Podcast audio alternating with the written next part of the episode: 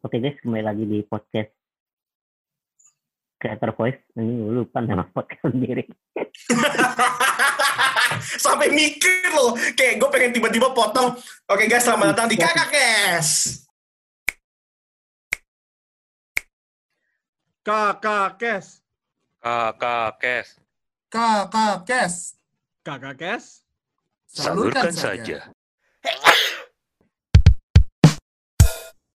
Seperti biasa, kita kembali di uh, guest kita yang udah basi ini.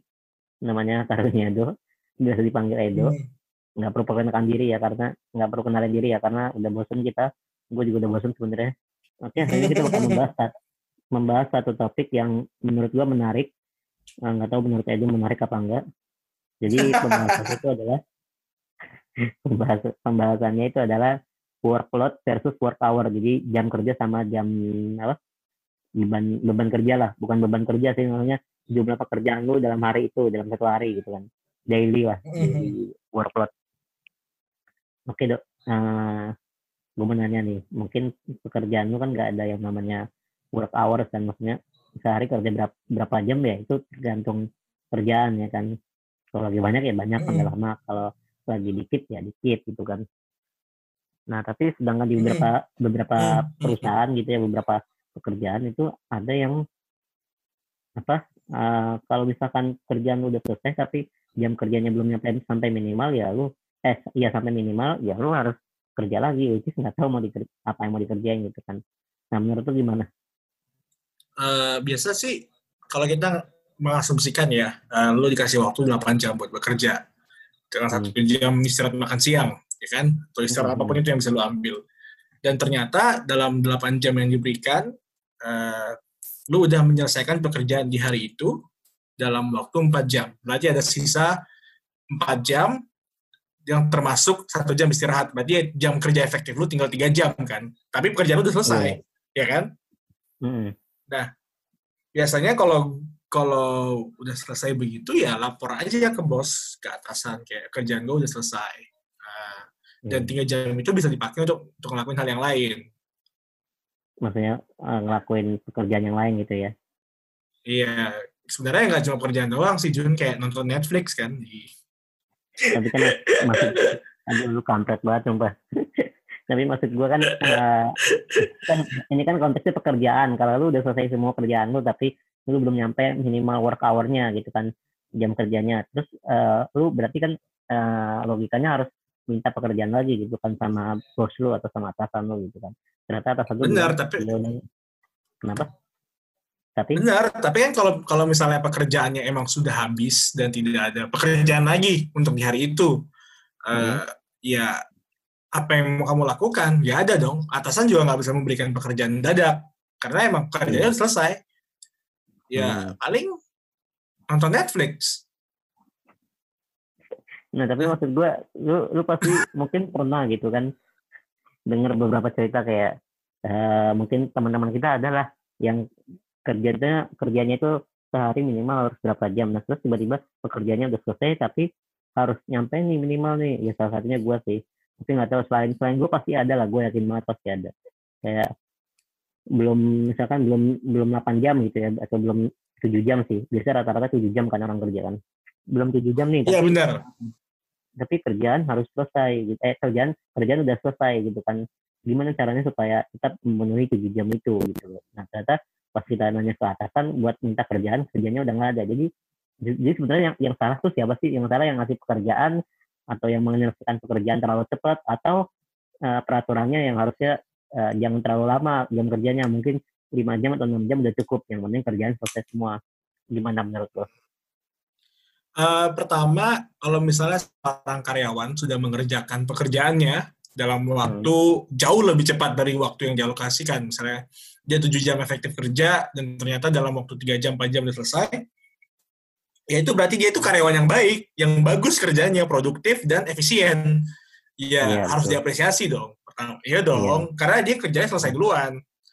Biasa kan eh, cenderung kita ketemu orang-orang tuh yang deadlineer kan yang kayak gue eh, kayak ya begitulah kayak gue kan kayak menyebut siapa-siapa dan Nah. gue juga eh jelas dong Nah, jadi kalau kalau misalnya karyawannya udah menyelesaikan pekerjaannya, pertama harus Hmm. diapresiasi. Kedua, kalau emang atas sebagai di sisi atasan pun ya, asumsikan dia udah nggak ada pekerjaan lagi untuk diberikan.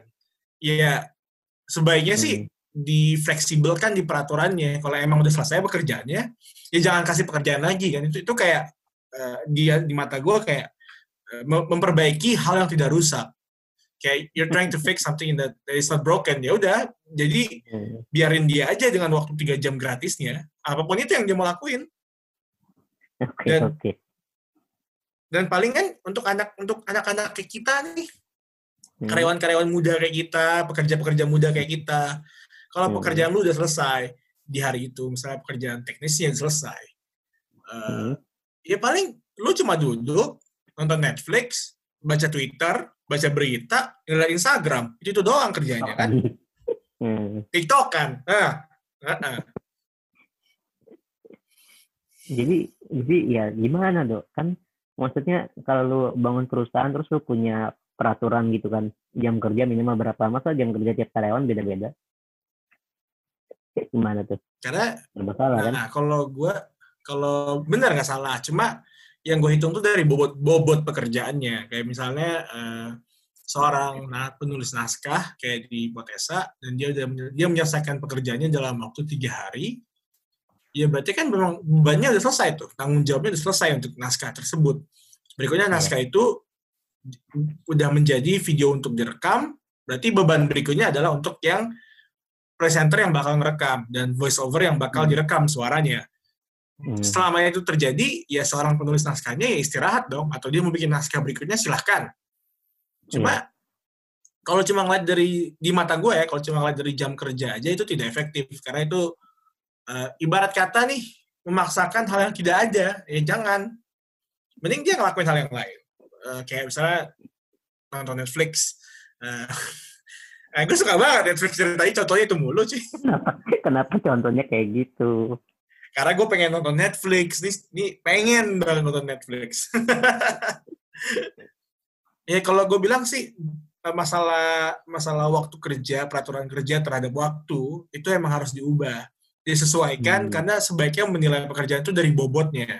Kayak misalnya seorang kurir barang, logistik gitu, Hmm. ya dia dia pekerjaannya emang waktu karena dia membutuhkan waktu satu hari untuk me- me- mem- mengirimkan beberapa barang ke beberapa rumah ke beberapa tangan ya wajar dong Iya.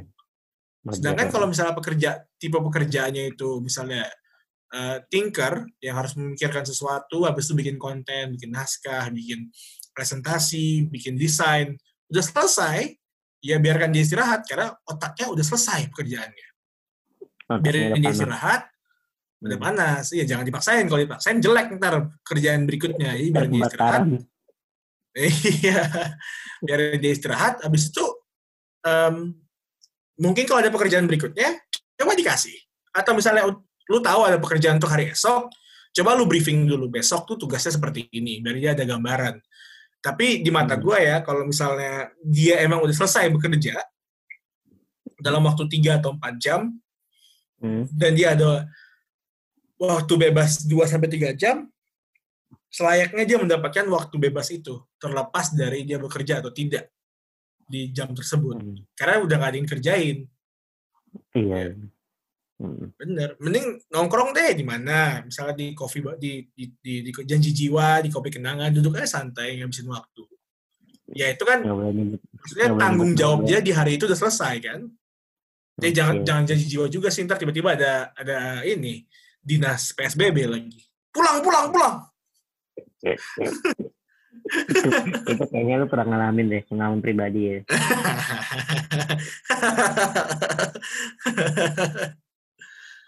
tapi kalau misalkan nih misalkan eh, kayaknya lu jawaban lu tuh apa ya eh, terpengaruh sama pengalaman kerja lu juga lah ya maksudnya lu kan selama ini kerja juga juga fleksibel kan maksudnya eh, mungkin perspektif lu tuh karena lu udah kelamaan bekerja kayak kalau punya kerjaan selesai udah selesai ya udah gitu kan. Nggak nggak maksudnya nggak ada waktu minimal jam kerjanya gitu kan. Mungkin lu terpengaruh sama pengalaman pengalaman lu itu. Tapi maksud gua kalau misalkan lu dalam konteks pekerjaan misalkan bukan pekerjaan yang biasa bukan maksudnya pekerjaan yang terikat sama peraturan kayak pekerjaan kantor gitu kan di sebuah perusahaan yang uh, kerja sehari tujuh jam ya kan. Nggak nggak pernah kan tuh lihat kayak kayak orang kantoran jam 4 udah pulang kecuali ada ada urusan ya kan atau sakit gitu kan. Tapi maksudnya ya orang kantoran ya tujuh jam gitu rata-rata kan. Kalau belum tujuh jam ya jangan pulang. Mau lu mau lu udah selesai kerjaan ya tetap aja nggak boleh kan. Pas lu diliatin orang ngapain lu pulang cepet-cepet gitu kan.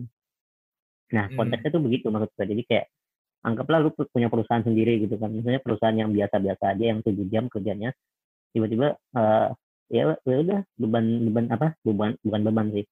Eh apa pekerjaannya udah selesai tanggung jawabnya udah selesai gitu. Tapi maksudnya dia selesainya tuh cepat banget mungkin cuma empat atau tiga jam gitu. Kayak cuma empat jam lah maksimal kan. Terus tiba-tiba eh, dia udah nggak ada kerjaan. Masa dia mau nonton Netflix di kantor gitu kan kan nggak mungkin gitu. Jadi maksudnya apakah lu kalau punya perusahaan lu harus eh, lu nggak nggak nggak menggunakan lagi minimal jam kerja kayak tujuh jam jam 9 sampai jam 5 gitu ya kan.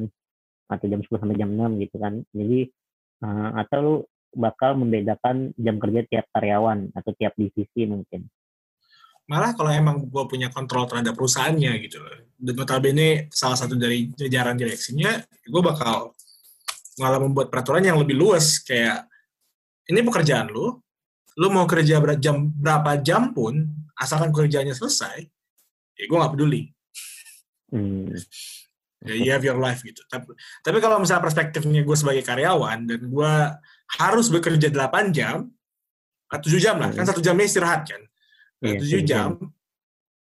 Nah, em, dan pekerjaan gue udah selesai di jam keempat atau jam kelima, berarti gue ada free time kan? Iya. Dan dan gue minta ke atasan nih, kayak bos ada kerjaan lagi nggak? Dia bilang Iya, nggak ada nih.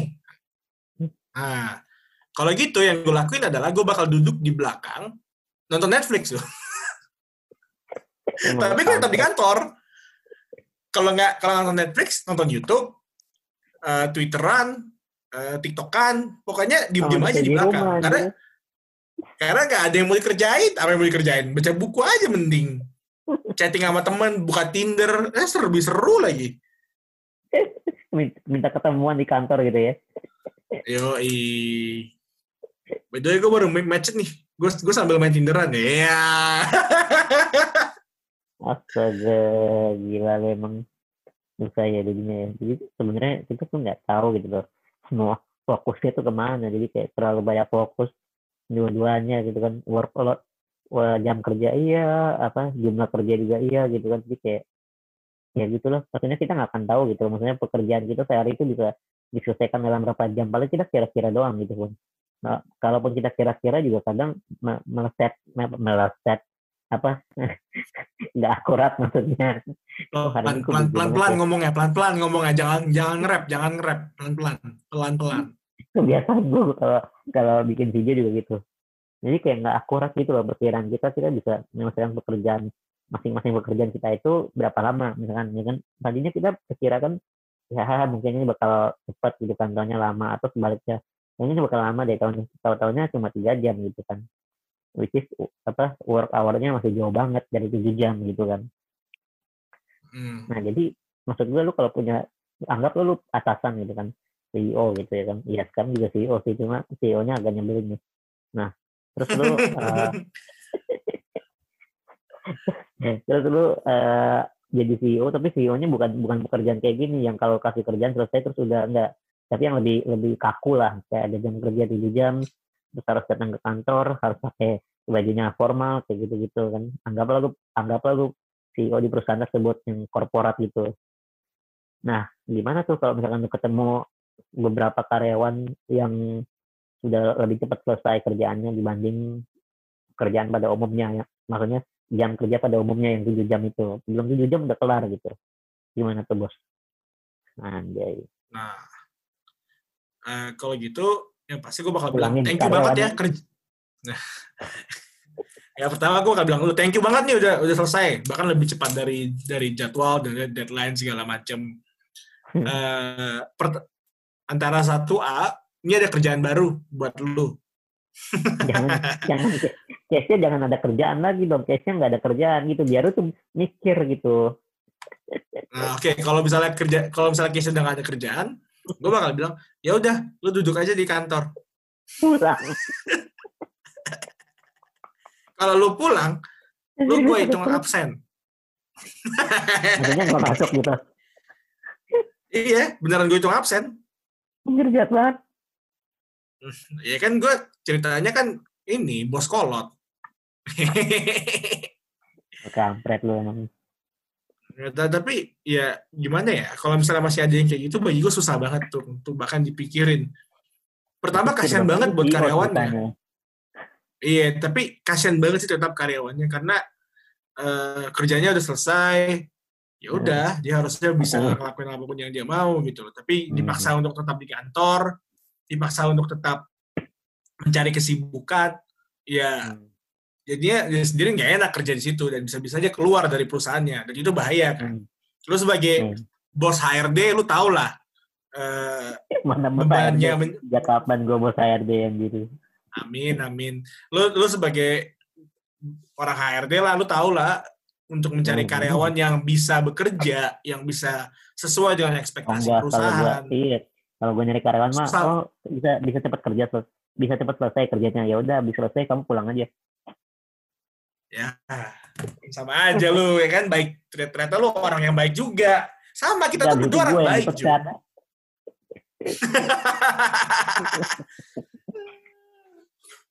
oke lanjut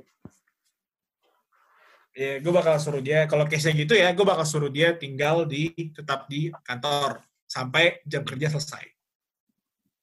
doing what Ya whatever he wants, mau ngerokok di luar kek, mau apa kek, bodo amat. Tapi maksudnya kalau Paling kayak gitu pesen- ntar Paling dia pesen GoFood. terus maksud gue kalau kalau dia kayak gitu ntar juga bisa bikin dia bete terus ntar resign lagi. Iya kan? Nah itu dia, gue aja susah mikirnya untuk case tersebut karena di di karakter gue pribadi aja sebagai karyawan dan sebagai atasan juga gue lebih memilih pekerjaan selesai saat pekerjaannya selesai ya dia bebas ngelakuin apa pun yang dia mau sama hidupnya. Dia mau buka Hmm. Tinder dia mau nonton Netflix asalkan dia nggak nggak bising nggak nggak mengganggu orang. Hmm, nggak ganggu orang bener. Dan dan tidak menggoda intern-intern yang cantik. Karena itu tugas lu. Tugas gue. Tanggung jawab lu. Parah nih CEO ini harus dipecat nih bener Oke, makin lama makin turun IQ gua.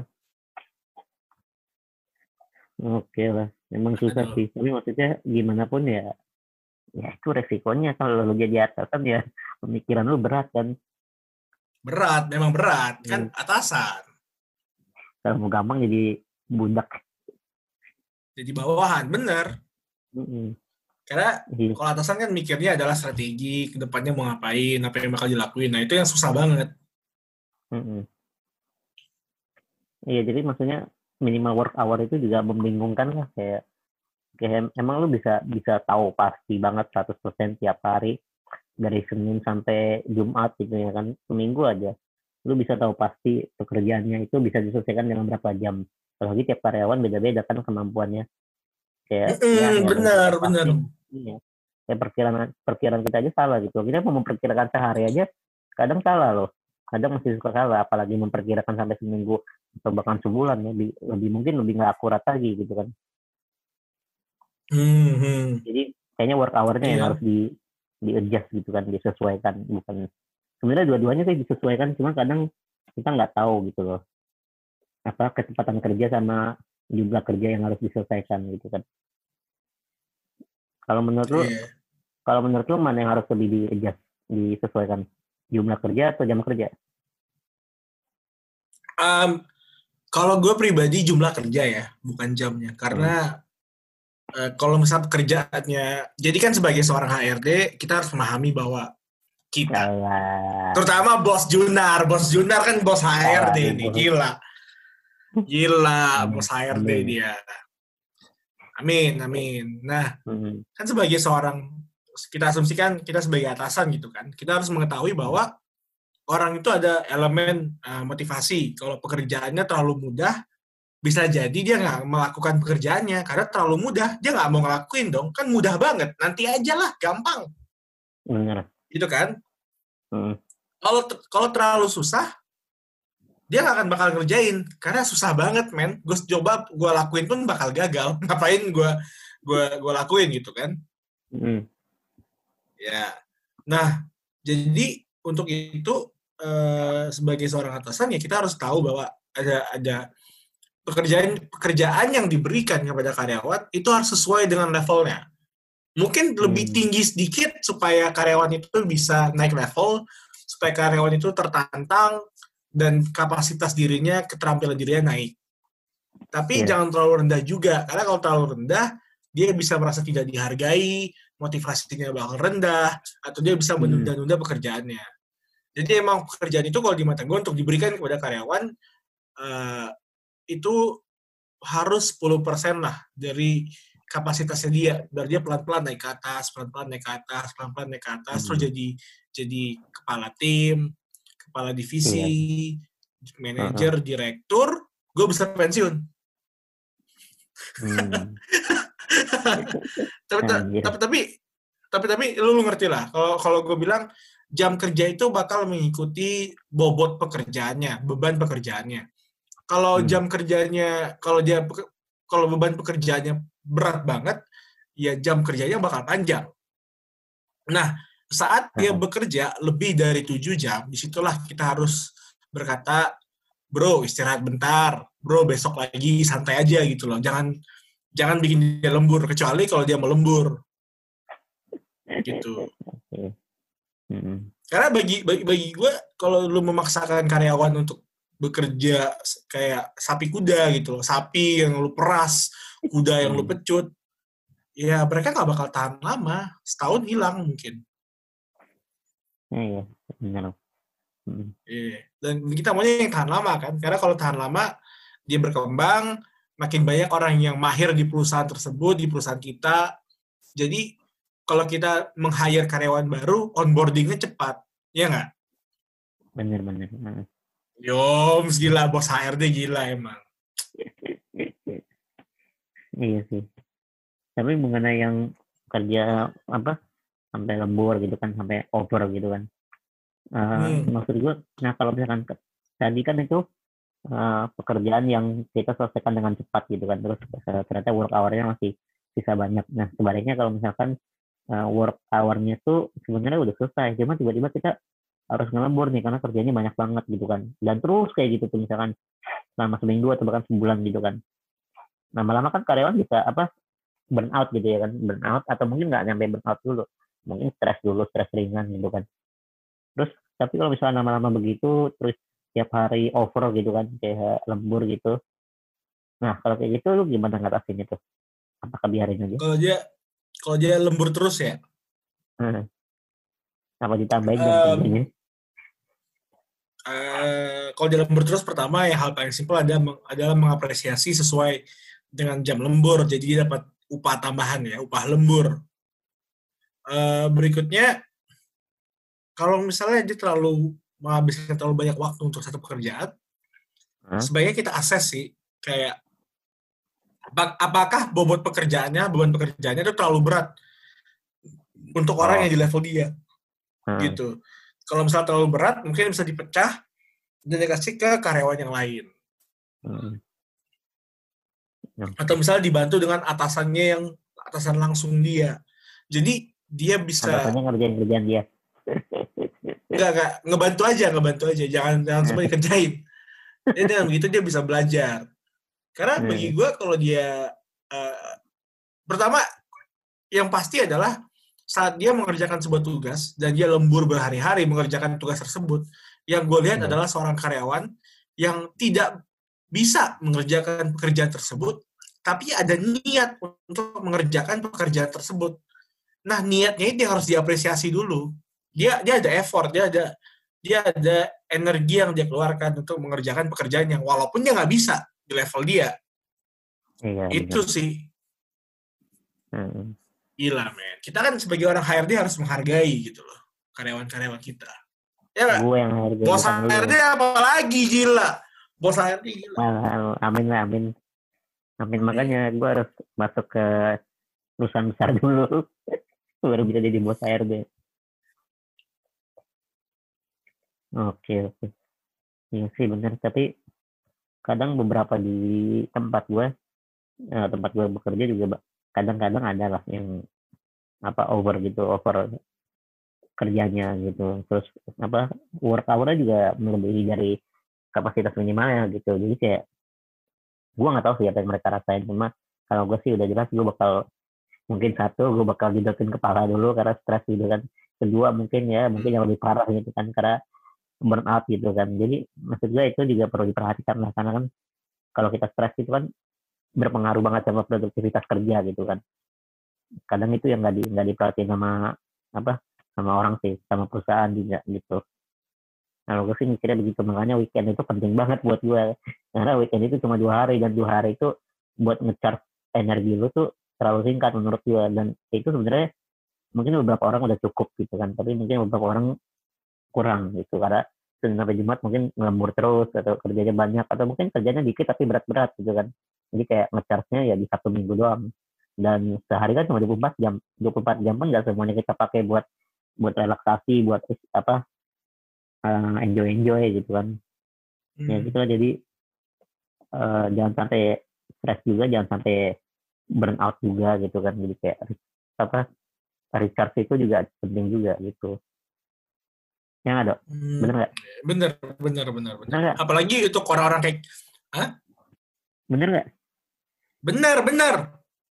oke oke Apalagi untuk orang- orang-orang yang kayak kita kan, yang habis kerja masih ada pekerjaan lain. Misalnya kayak lu, kayak gini lu ada TikTok, lu ada Hmm. Instagram, lu mau bikin podcast. Itu kan kerjaan di luar pekerjaan kantor, tapi pekerjaan pribadi yang lu kerjain di momen-momen istirahat. Jadi orang kayak lu, ya susah istirahatnya emang.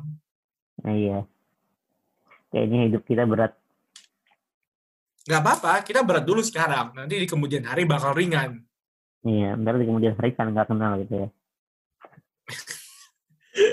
Wah, wah, jadi kacau, gue kacau. sombong lu juga sombong sama deh impas kita Oh jangan dong. Kalau kalau lu terkenal, kita terkenal, gue terkenal, sama-sama terkenal, kita bikin sesuatu bersama. Itu caranya. gue gue sangat ragu itu terjadi Hipotesa udah terbukti. Yoms. Hmm, ragu kan gua nih masih dalam perjalanan gue belum belum ada yang terbukti gue Bentar lagi lu bakal apa namanya? Lu bakal besar. Lu pakai aja kayak tadi aja. Dan lagi tuh waktu-waktu gue bilang hipotesa, gue bukan bilang hipotesa itu karya gue, bukan. Tapi itu kan karya kita bersama. Lu kerja di situ, gue kerja di situ, ada semuanya lah. Jadi, Hmm, iya. Sama-sama kita naik, Jun. Santai aja. oke lah Eh, itu aja buat podcast kali ini Iya, itu aja untuk podcast kali ini ya. eh gue Terus kira lu bakal protes Recording. Nggak, kayak, ah closing dong, Jun. ya ini gue mau closing anjir Yoi.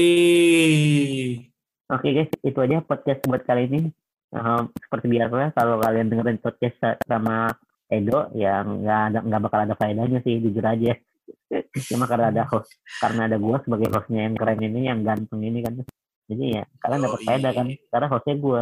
Cuma hostnya orang lain sama Edo pula. Mana mungkin ada faedahnya Weh. jadi oke. Thank you guys sudah dengerin podcast kita. Jangan lupa stay tune di episode berikutnya which is yang nggak tahu kapan rilisnya. Jadi ya oke. Thank you. Gua nggak tahu mau closing apa lagi. Ya biasalah Udah, kalau gue yang closing emang garing jadi ya udah. Oke. Thank you dok. Udah. Kakak Kes. Salurkan saja.